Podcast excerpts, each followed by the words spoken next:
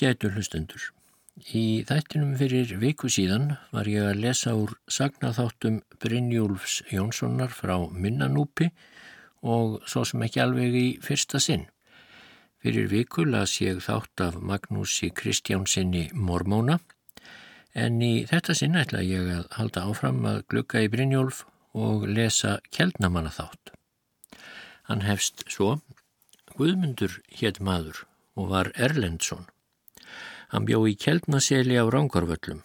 Það var hjálega frá Kjeldum og stóð skamt upp frá Knafahólum. Halla Valdadóttir hétt kona Guðmundar.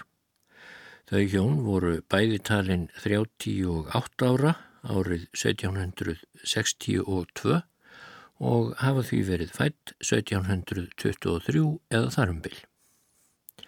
Þau voru fátæk Börn áttu þau Guðmundur og Halla mörg en hér er aðeins getið tveggja dætra, Yngveldar og Ragnhildur. Yngveldi átti Jón Bóndi Þorgilsson á Rauðnefstöðum og var þeirra svon Þorgils er þar bjó og bráttverður getið. Ragnhildi átti aftur á móti Pálli Kortmúla. Var þeirra dóttir Halla kona Jóns Magnússonar í Koti. Þau áttu mörg börn og verður sumra getið hér á eftir. Börn Guðmundar og Höllu í Kjeldnaseli voru ung þá er sagan hefst. Þá hólst upp á geldingalæk Guðrún Pálsdóttir, dóttir bonda þar, efnileg stúlka. Það var eitt sinnum vetur og hún var sendað að Kjeldnaseli, er ekki getið um erindi hennar. Guðrún var ítla klætt í einu pilsi og úlpugarmi yfir sér, gerði þá kavald spil. Treystist Guðrún þá ekki til að halda réttri leið, let fyrirberast í klett skúta og taldi sér vist að láta þar lífsitt. En þá bar þar að Guðmundi í kjelnasili. Hann var að leita kinda sinna. Guðmundur barg Guðrúnu til bæjar. Halla kona Guðmundar dó nokkurum árum síðar en þá bað Guðmundur Guðrúnar. Hún svaraði, ekki er álitlegt að taka að sér barnahópin þinn með engum efnum, en þú gafst mér lífið og er mér skilt að muna það og því giftist hún honum. Tók Hagur Guðmundar smám saman að rétta við eftir það og komast þau hjón í góð efni Guðrún var enda orðurlögð fyrir hagsíni, nýttni og þryfnað. Hún var skörungur í skapi og sagði æfinlega meiningu sína afdráttarlaust og þó reyðilust hver sem í hlut átti. Já, Guðmundi bónda sínum reði Guðrún því er hún vildir á það, fór þó jafnan hægt en kom sínu fram með lægi. Guðmundur var og stiltur að jafnaði en við barað í hann fauk og gæti hann þá orðið æði hrottalegur í orðum. Guðrún tók því æfinlega með stillingu og færði allt til betri vegar, rann honum þá brátt reyðin. Og Guðmundur virti konu sína og unni henni og let mjög að orðum hennar. Þannig er sagt að Guðrún hafi komið viti fyrir bónda sinn varðandi fjárbeitt svo að hann hætti að missa fjesitt úr hór sem hann hafi gert árlega áður og var hann þó mjög elskur að söðfíja að náttúrufari. Sögn er að eitt sinn hafi Guðmundur átt móflekkóttan söð sem hún þótti svo vandum að hann tímdi ekki að slátrónum þótt hann væri orðin sex vetra gamal. Guðrún sá að það var skadi og einn dag er Guðmundur var ekki heima let hún vinnumenn taka morflekk en svo hétt söðurinn og slátrónum. Þá er Guðmundur kom heim bar Guðrún honum mat og þar á meðal var nýr sögðarmagall og fjelst Guðmundi vel á. Þá segir Guðrún, þykir þér nú ekki magallin af honum morflekk nógu góður, Guðmundur minn. Þá varð Guðmundur svo reyður að aldrei var þann eins reyður. Hann kastaði magalunum til hennar og sagði, jett hann sjálf og skýtt úr þér við. Hún tók magálinn og sagði brosandi, Það þarf nú ekki við því arna, Guðmundur minn. Ekki töluðu þau fleira um þetta. Rann Guðmundi reyðin von bráðar og let sem ekkert hefði í skorist. Þó þetta sé lausasögn, þótti réttar að taka hana með því sennilegt er að hún gefi nokkurn veginn rétta hugmynd um skapferðli þeirra hjóna begja. Þá er Guðmundur Erlendsson bjó í Kjeldnaseli, bjó á heimajörðinni Kjeldum Guðmundur Stúdent Magnússon. Hann var svonur Magnúsar prests á Þingvöllum Sæmundssonar. Kona Guðmundar Stúdents var Ingi Björg Brynjólfsdóttir en hún var dóttir síslumannsins í Hjálmholti. Með Ingi Björgu hafði Guðmundur Stúdent fengið kjælnaegnina en líkt búnaðist honum. Það var eitt sumar að Guðmundur Erlendsson sló melgras í óskiptu landi millibæjana en Guðmundur Magnússon, stúdent, þóttist eiga þar fremri rétt og hyrti hann melgrasið handa sér. Næsta vor var þann heilaus um sömarmál, var þá hart og höfðu fáir hei aflögu. En Guðmundur Erlendsson var vel heibirkur, kom nafni hans til hans og falaði hei, var Guðrún þá ekki heima. Hún hafði verið sótt til konu því yfir setu kona var Guðrún góð. Guðmundur tók nafna sínum fálega, hvað hann nú verða að láta sér duga melgresið sem hann hafði tekið frá honum sömarið áður. Fekk stúdendin enga úrlaust og fór heim við svo búið sá hann ekki annað líklegra en að skeppnur hans myndu allar degja. En þá er Guðrún kom heim, sagði bóndi hennar henni frá komunafna síns og hvað þeim hafi ferð á milli. Hún sagði þá, þetta áttur þið ekki gera Guðmundur minn, þú áttur að hjálpa honum um hegið. Þá eðraðist Guðmundur og sendi nafna sínum töðu á tveimur hestum, bjargaði það skeppnum studentsins svo að ekkert fjall en litlu síðar fór Guðmundur frá keldum og varð að selja þá eign. Bauð hann þá nafna sínum hana fyrstum manna. Hvaðst hann gera það í þakklætti skinni fyrir hjálpina. Og Guðmundur Erlendsson kifti þá keldnaegnina og settist á heimajörðina en lagði keldna selið gamla bæin sinn í eiði. Var þar síðan fjárhús frá keldum og túnið árlega slegið fram að 1882. Þá blés þar upp og er nú sandauðin einn. Guðmundur Magnússon flutti að Rauðnefstöðum en síðan af Barkarstöðum. Þar bjóan þar til hann výðist sem prestur til Kálvatjarnar 1786. Þá er Guðmundur Erlendsson var komin að keldum, kom skaftáreldurinn upp flúði þá margt fólk úr skaftafellsíslu, sumt til Rangarvallasíslu eða Árnissíslu og þó lang flest til Guldbringusíslu. Þar höfðist að geta fundið sér björg í bú af sjónum. En svo fór að fjöldi fólks dó í Guldbringusíslu, en það sem eftir livði var rekið aftur á sína sveitir í Skaftafellsíslu. Þar var þá neyð fyrst eftir eldin. Einn af þessum mönnum sem rekin var fram og aftur hétt Bárður Sigvaldason, maður vel að sér og smiður góður. Hann átti vin á Rángarvöllum sem einar hétt, sá var bondi á Minnahofi. Og til Minnahofs leitaði Bárður. Með honum var kona hans og dóttir þeirra er Sigriður hétt, 14 eða 15 ára.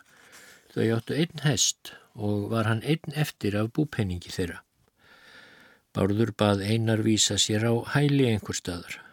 Einar hvað tvö bíli, laus þar í sveitinni, annað væri í ottakverfi en hitt væri hjálega frá keldum sem hétti Króktún og væri þar ímist byggt eða í eyði. Gæti hann reynd að fala annað hvort þessara bíla. Bárður bað einar fyrir þær meðgur en tók hestin og reið af stað. Fyrir ofan tún á minnahofi skiptust vegir Þangað reið barður með augun aftur og let tauminn likja á makka hestsins. Bað hann Guð að láta nú hestin velja þann vegin sem betur myndi fara. Hesturinn fór kjeldnagötu. Þangað helt barður, fann þau hjónin, Guðmund og Guðrúnu, á kjeldum og falaðist eftir króktúni. Guðrún stutti mál hans og byggði Guðmundur honum það með kúkildum og fekk honum síðan við til húsa eftir þörfum. Það var næst eftir var messað á keldum, komu hreppstjórarinn í skála eftir messu og átöldu það mjög að Guðmundur tæki örega inn í sveitina, sögðust fyrirbjóða slíkt. Guðmundur svaraði fáu. En Guðrún gaf sig þá að og sagði, þið getur rekið bárð í burt frá króktúni þegar hann þarf að fara að sækja á reppin. Þanga til getið þið látið hann afskipta lausan. Þeir letu það mál þá niður falla. Þau bárður bjöku nú í króktúni og hafðu í fyrstu eigi annað til viðurlífis en mjölkina úr kúgildiskunni og svo það sem Guðrún gaf þeim. Kýrin gekk um sömarið með heimakúnum á keldum og var mjölkuð þar á stöðlinum. Bætti Guðrún við mjölkennar á hverju máli, svo barður og fjölskylda hans fengi meira í sinn hlut. Kýrin bar svo snemma vetrar en dó eftir að hafa borið kálfin. Þá var Guðrún ekki heima. Hún satt yfir konu á stinnkrossi en sá bærir nú í eiði. Guðrún var þar viku áður en konan erði léttari því að milliferðir voru þá óhægar vegna harðinda. Þá beigði Guðmundur ekki atkvæða konu sinnar en það vissan hvað hún myndi leggja til. Hann færði bárði aðra kú, ný borna, í staðin fyrir hinn að dauðu.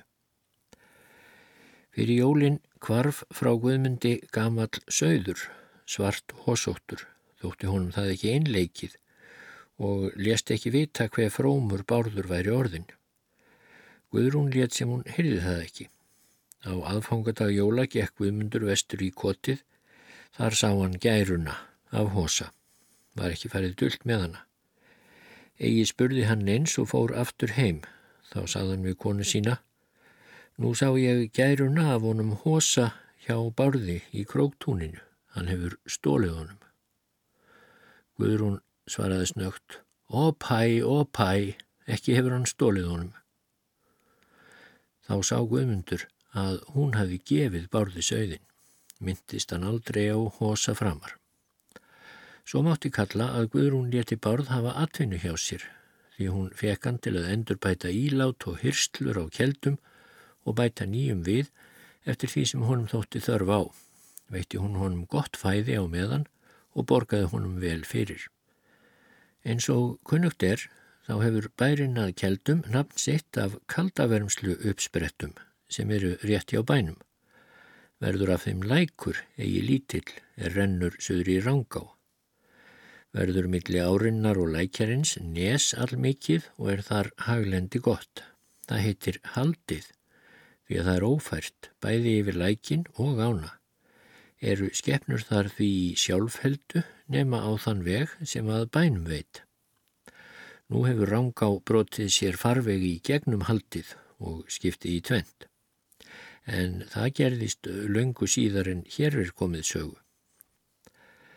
Það var morgun einnum vorið litlu eftir fráfæru að Guðmundur sá að kindahópur var rekin framann úr haldinu, saði hann Guðrún frá því og saðist ekki skilja hvernig því væri háttað.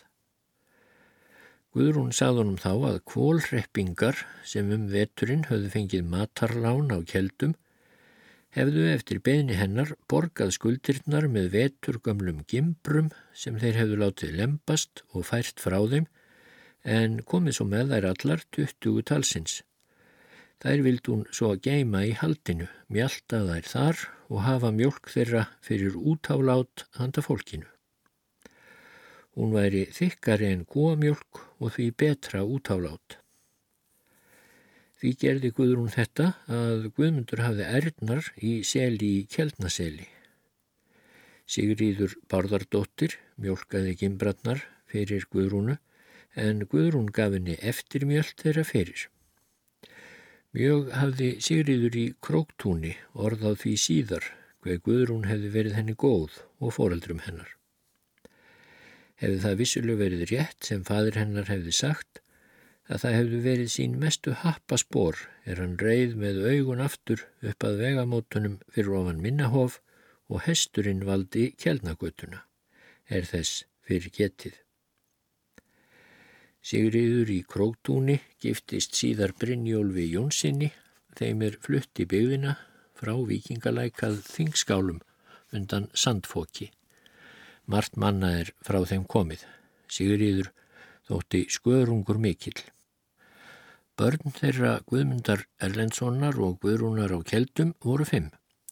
Pál, Steinn, Haldur, Guðrún og svo önnur dóttir sem ekki er nafngreind en það dó hún úr holdsveiki á ungum aldri. Þeir Pál, Steinn og Haldur, sínir Guðmundar og Guðrúnar, voru allir drikkjumenn miklir en Pál kunni best hóf á því. Hann var elstur barna þeirra Guðmundar og Guðrúnar Unni móður hans honum mjög og kom því til leiðar að hann læriði skrift og rykning en það var fátítt hjá alþýðu þá. Hann var nokkur ár bókaldari við verslun í vestmanægjum og fekk þurriðar dóttur Jóns Ejjólfssonar undir kveipmanns þar. Sagt er raunar að Jón væri ekki sonur Ejjóls þessa, heldur hefðan gengið við fadirni hans fyrir hans klók, kveipmann í eigunum. Þau Pál Guðmundsson og Þurriður byggu fyrst á brúnum.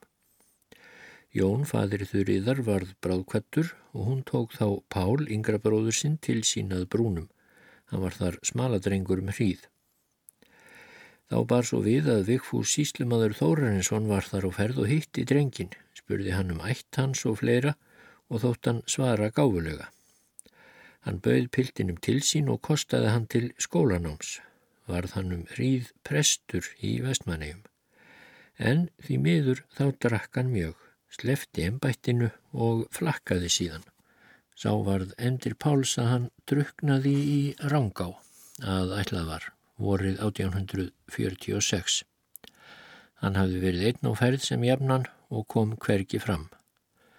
Vissa er þó fyrir því að bein hans raki í Þorláksöfn og voru jörðuð í Hjallakirkjugarði. Guðmundur Erlendsson bjóað keldum til þess er hann dó 25. júni 1815 og var hann þá rúmlega áttræður. Ári síðar brá Guðrún búi. Pálssonur þeirra fluttist þá frá brúnum að keldum og bjóð þar síðan til dauðadags. Móður hans fór til hans og var hjá honum meðan hún livði. Guðrún, ekki að Guðmundar, dó annan september 1827 og var þá 8-10 og 4 ára. Sýnir hennar voru allir þrýr við jarðarför hennar og allir haugafullir en Pál þó minnst. Steinn og Haldur voru svo augafullir að þeir gátt ekki þagað meðan sér að Þorgrimur prestur flutti líkræðuna yfir móður þeirra.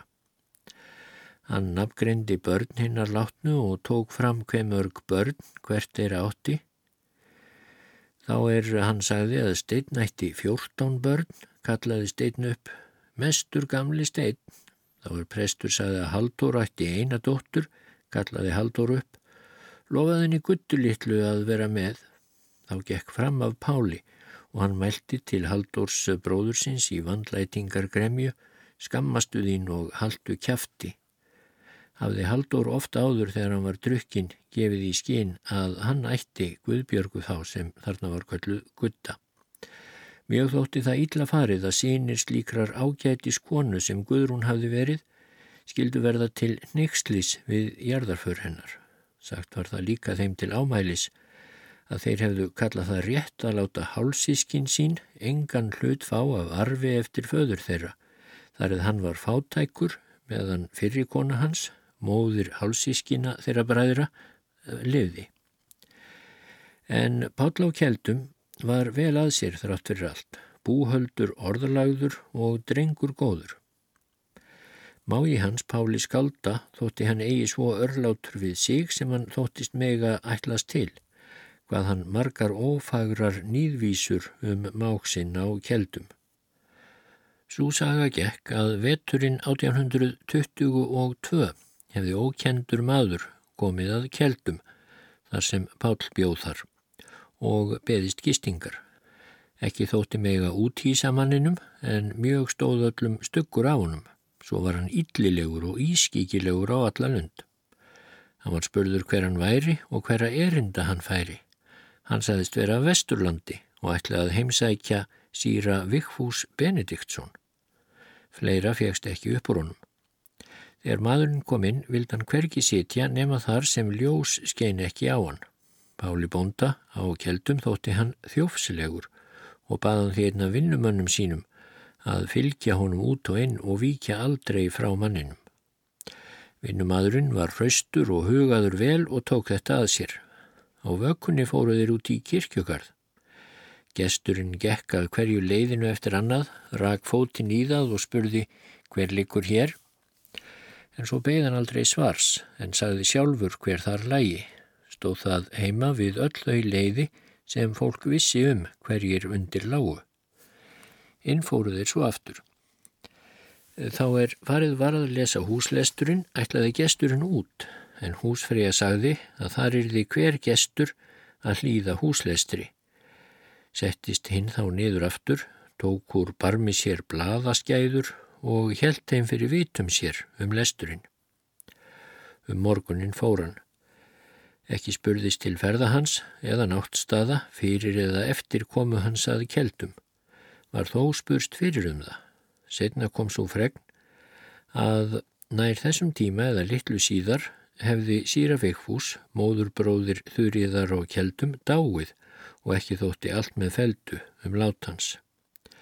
En síra veikfús var haldinn fjölkunnugur meðan hann livði er því getið til að eftir látans hafi þessi fregn myndast sem niðurlag kaldrasagnana sem um hann höfðu gengið og verið sett í sambandi við það að á keldum hafi gist sérvitur flækingur og verið sagnafár um hægi sína. En svo kann einnig að vera að þarna hafi í rauninni verið draugur á ferð að vitja um síra vikkhús ný látin og gá hvort hann væri komin í kirkjugarðin. Nú, Þorgils hefur maður heitið og búið á reynifelli. Jón og Fimbói héttu sínir hans. Fimbói bjó á reynifelli eftir föður sinn og var kallaður Fimbói ríki. Hann átti Helgu Teitsdóttur frá Gunnarsholti. Hún þótti grann vitur, svo kona. Sýnir þeirra voru Árni á Galtalæk, Teitur í Skarði og Jón í Mörk, allir stórbændur í landsveit á sinni tíð. Höskuldur og Finnur héttu líka sínir Finnboga, þeir druknuðu í þverá, ungirað árum, er þeir vildu leitað hesti fram á öyrum og fóru frá breyðabúlstað sunnudag eftir messu. Svo er sögn um Helgu á reynifelli að aðkomandi stúlka hafi gist þar um nótt, en Árni, sónur Helgu, hafði þá nýlega átt barn með Margréti, vinnukonu hennar. Á Helga þá að hafa sagt við stúlkuna um kvöldið Ligðu í nærpilsinu í nótt, nóg er að orðið. Hún bjóst ekki við að árni væri Margrétu trúr. Það var hann samt. Varð Margrét kona árna og þótti góð kona og atkvæða mikil. Börn þeirra eru hins onemdu galtalækjar sístkin sem öll þóttu búsíslumenn í besta lægi. Af börnum Jóns Þorgilssonar á Reynifelli og Yngveldar konu hans er aðeins nefndur Þorgils er síðar bjó á Röðunefstöðum og nefndi ég hann fyrr. Kona hans var Þurriður Pálsdóttir, hún var bráðgáfuð, lærði dönsku af bókum einum og var sem því nam þrifin og góð búkona. Er verðt að geta þess að Jón Sigursson Forseti gisti á Röðunefstöðum er hann fór fjallabaksveg til skaftafellsíslu í fjárkláða erindum. Var síðan haft eftir forsetta að af sjálfmentuðum konum sem hann þekkti þætti sér þurriður á rauðnefstöðum meðal hennar fremstu. Þorgils bóndi hennar var greindur vel og higgin búmaður, vart varð við það, engum þegar hann var drukkin að hann hafði fjarskigni gáfu. Svo var til dæmis er Þorlákur í gröf og félagar hans urðu úti á fjallabaksvegi. Þá var það sama kvöldið sem bílurinn skall á til fjalla að Þorgils kom heim nokkuð drukkin. Hann drakk aldrei heima en oft í ferðum eins og þá var algengt. Fálátur var hann það kvöld þegar heim kom og lagðist hann þegar til svefns eins og hann var vanur þegar svona stóð á. Og þá talaði hann hvað eftir annað upp úr svefni bátt eigaðir sem á fjallinni eru, auðmingja menninir á fjallabaksveginum. Ég vild þeir væru komnir hingað.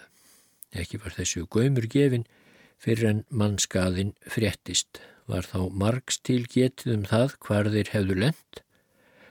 Þá var það eitt sinn að Þorgils hafði komið heim drukkinn og lagst til svefns og hann sagði millir dúranna, þeir líkja dauðir á fjallinu, þrýr saman og einn skamt frá.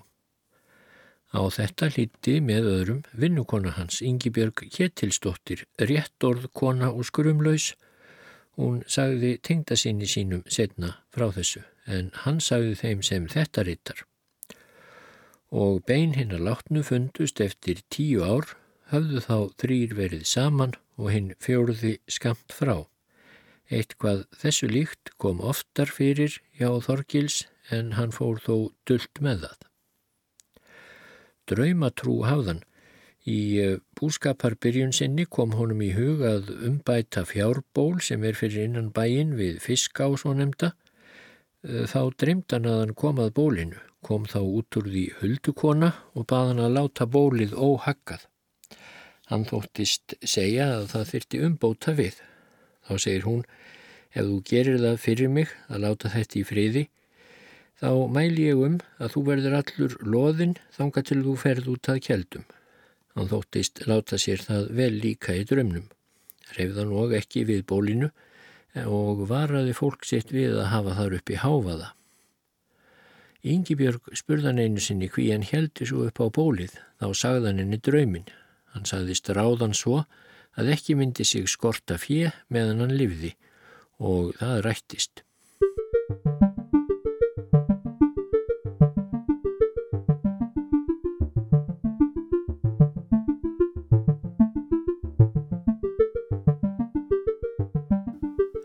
Nú er nósagt um kjeldnamenn en Brynjólfur frá Minnanúpi skrifaði líka Holmfríðar ættar þátt og þar segir í upphafi Egil hétt maður er uppi var í lok átjándu aldar.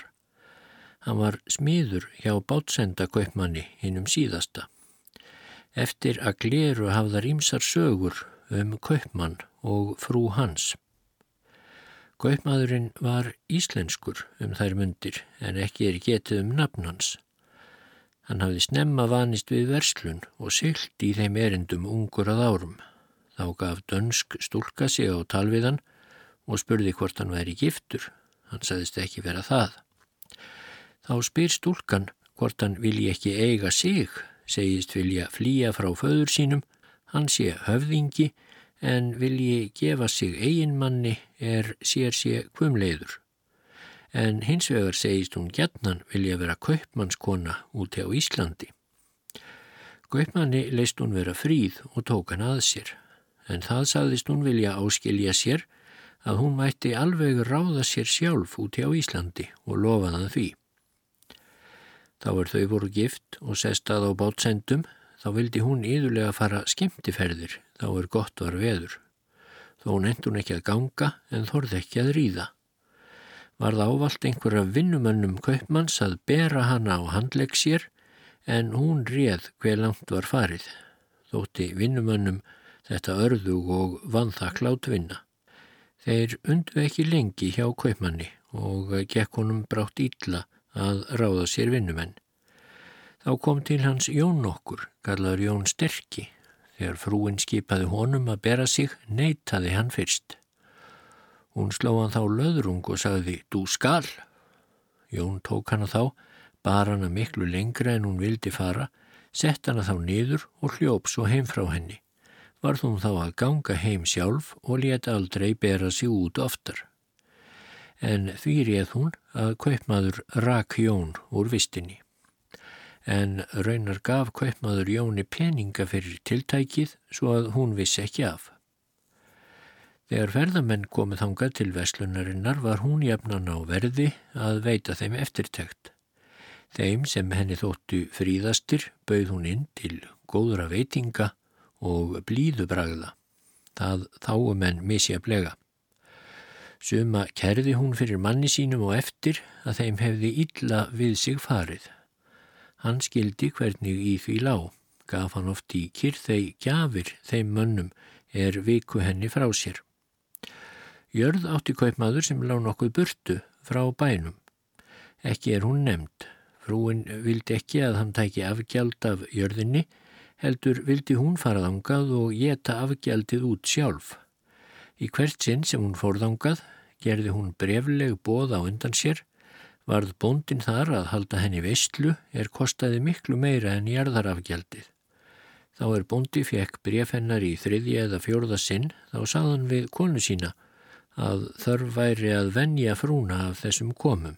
Þau tóku nú ráð sín saman og þá er frúin kom, spurði bóndi hví hún hefði ekki skrifað sér eins og áður. Hún saðist að hafa skrifað. Bóndi segir að þá hafi brefið glatast og sé hann nú óvið búinn og hafi ekkert að bjóða nema íslenskan mat. Nú ég vil þá íslenskan mat, segir hún. Let hann bera henni harða löngu, lúbarða og ríflegt smjör við. Hún átt með góðri list og sparaði ekki smjörið því að fiskurinn var þurrari en svo fæða sem hún var vön við. Hún let þó vel yfir þessum mat. Á eftir voru henni borðnar flautir, voru þær þrý ræðar og valla annað efni orðið í þeim en ostefni og fita. Hún spurði hvað þessi matur hétti. Íslensk skrolla, saði bóndi. Góð er íslensk skrolla, segir hún, og getur sem hún getur í sig komið en strax á eftir fekk hún bæði uppsölu og niðurgang og lág veik eftir. Fór hún eigið þangað aftur en það hafði svo verið til ætlast. Guðmundur hétt Fjósakarl á bátsendum. Hann var kímin og kendi hann börnum hjónana að hveða nýð um móður sína svo að hún heyrði. Hún skildi það lít en það á íslensku og þótti gaman að bað hún þau láta föður sinn heyra vísurnar. Honum mislíkaði sem von var og hótaði þeim flengingu eða þau létu slíkt oftar heyrast, fjall þetta svo niður. Það var eitt sinn á aðfangadag fyrir jól að Kaupmannsfrúin bað Egil að fara fyrir sig inn í Keflavík og sækja þangað öskjur sem hún þurfti nöðsynlega að fá fyrir jólinn. Skrifaði hún Keflavíkur Kaupmanni og baðan um þær. Egil færðist undan því veður var illt en kallaði reymt á leiðinni, en ekki tjáði honum undan að skorast. Þá var hann fór af stað, tók hún brennheitt stikki af nýbökuðu brauði, vafði í klæði og fekk honum. Baðan hafa það milli fata og brjósti sér og myndi þá ekkert óhrengt granda honum. Ferðin gekk vonum betur, var þó stöðugt ílviðri og ekki þótt honum laust við að hann sægi vofur við hlið sér á heimleiðinu um kvöldið en það leiði yfir hann þegar hann kom heim og sá ljósið. Í öskjunum reyndust vera þrjár leikbrúður en konan átti þrjú börn og gaf hún sína hverju í jólagjöf. Þótti kaupmanni lítil nöðsin að leggja líf manns í hættu fyrir slíkt erindi en vel launaði hann agli ferðina. Þá er bátsendakaupmaður fór af 1799, settust þau hjón að Erlendis og komu eigi hingað eftir það. Egil giftist síðan en ekki er þess getið hver það var. Hann misti konu sína eftir að hún hefði fætt honum einn són, sá hétt Þórður. Egil giftist aftur, með setni koninni átt hann líka einn són, sá hétt Bjarni og lust þeir upp með föður sínum en eftir lát hans fóru þeir á sveit. Þórður fór austur í Holt, ílendist í þykvabænum og bjóð þar, var efnaður vel en átti eigi börn. Bjarni fór austur í biskupstungur og giftist þar ungri stúlku sem Sigríður hétt. Þau reistu bú en bærin er ekki nefndur. Að ári liðinu átti hún barn og bilaðist þá svo að hún steg ekki á fætur framar. Brá Bjarni búi aftur og vann fyrir henni meðan hún lifði. Barnið var Sveinn og hétt Magnús. Loftur og Haldóra héttu hjónir byggu í fjalli á skeiðum, auðu vel en barnlaus. Þau tóku Magnús til fósturs, unnu honum mjög og arfleitu hann. Þau dóu bæði sama árið, þá er hann var á tíunda árinu. Brynjólfur Sigursson var þá síslumadur þar, hann skrifaði upp búið og seldi og hafði heim með sér stóra skrínu sem engin vissi hvað í var. Hann vildi nú taka Magnús til sín og hafa umbóð hans, en móðurfrændi hans einar bondi í skálmholti grafðist þess að fá umbóðið yfir drengnum og var það, Þar var Magnús í 20 ár. En þá dó móður hans, fadur hans skipti sig aftur, fór hún að búa og tók Magnús til sín og umbóð hans. Var Bjarni þá miðaldra en konan ungar að nátti til ábúðar fengu þau þóróttstaði í Ölfusi halva, þar bygguðu þau lengi, áttu tólf börn og hafðu hörmulegan fjárhag.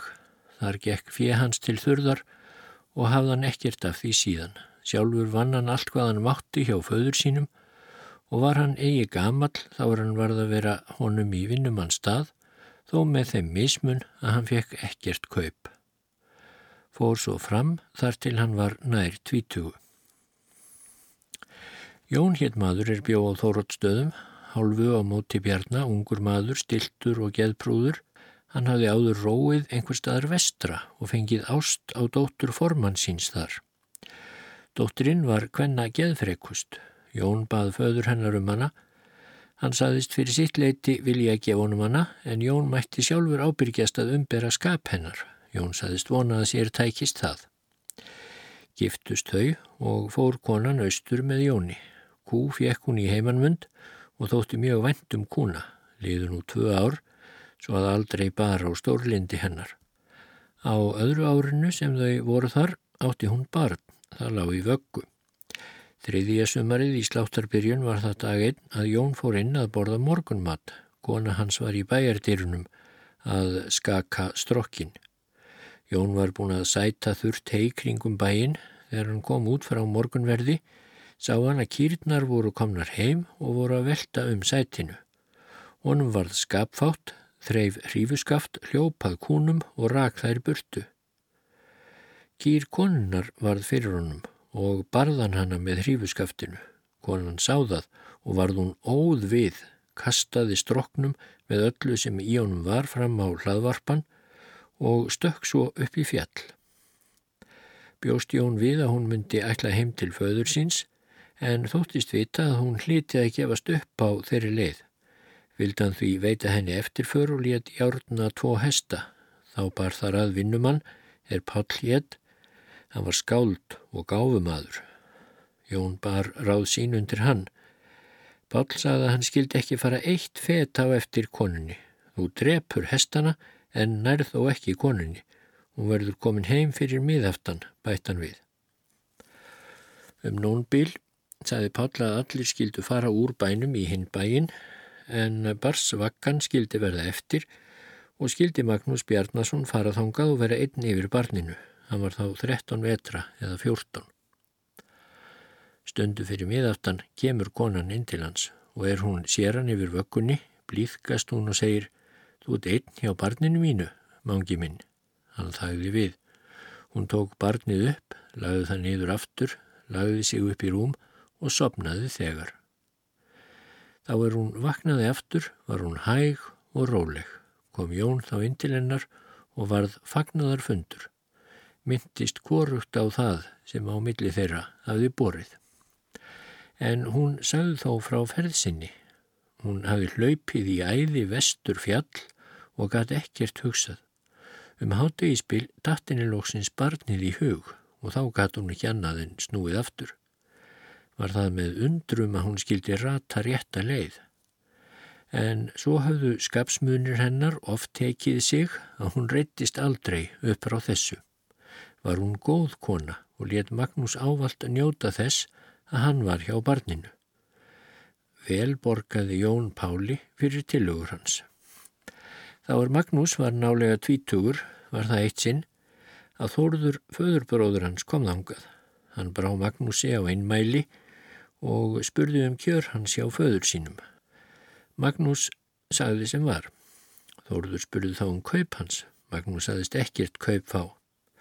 Kondu frekar til mín, sagði Þórður, ég skal gelda þér kaup eða svo gott sem.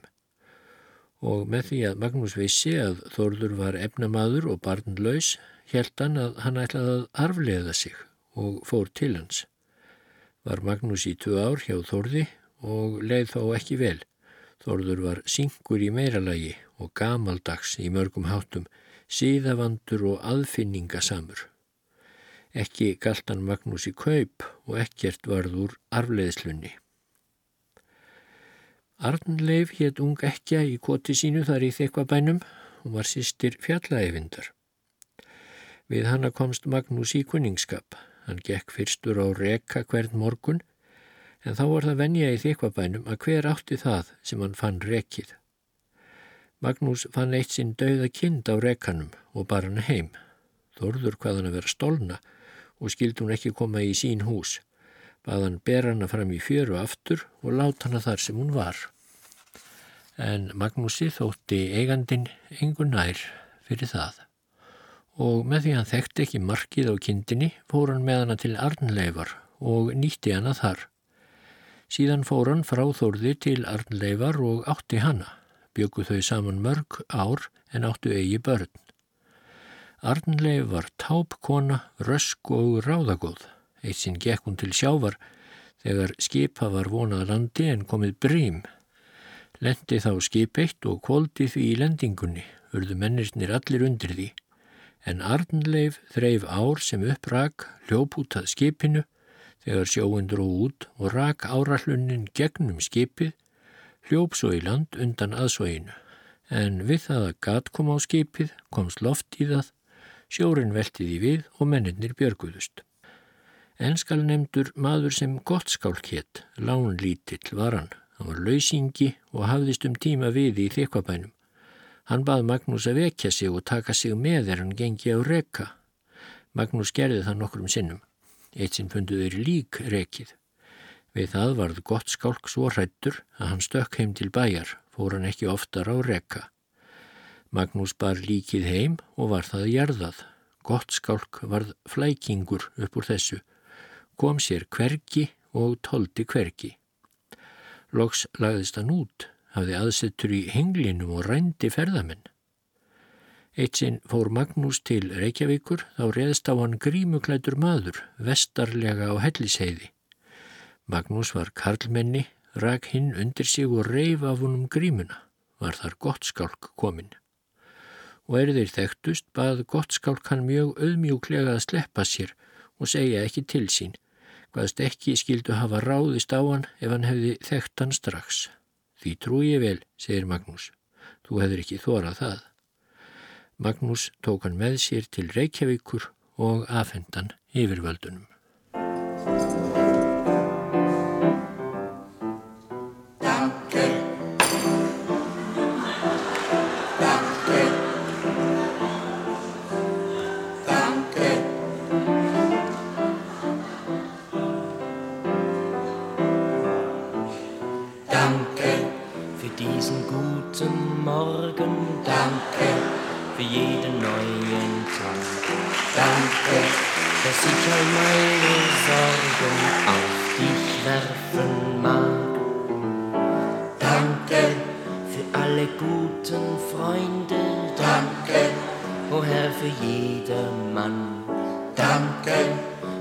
Dem größten Feinde ich verzeihen kann. Danke für meine Arbeitsstelle, danke für jedes kleine Glück, danke für alles frohe, helle und für die Musik.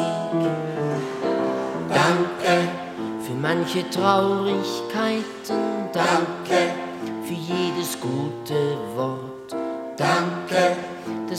Hand mich leiten will an jeden Ort. Danke, dass ich dein Wort verstehe. Danke, dass deinen Geist du gibst. Danke, dass in der Fern und Nähe du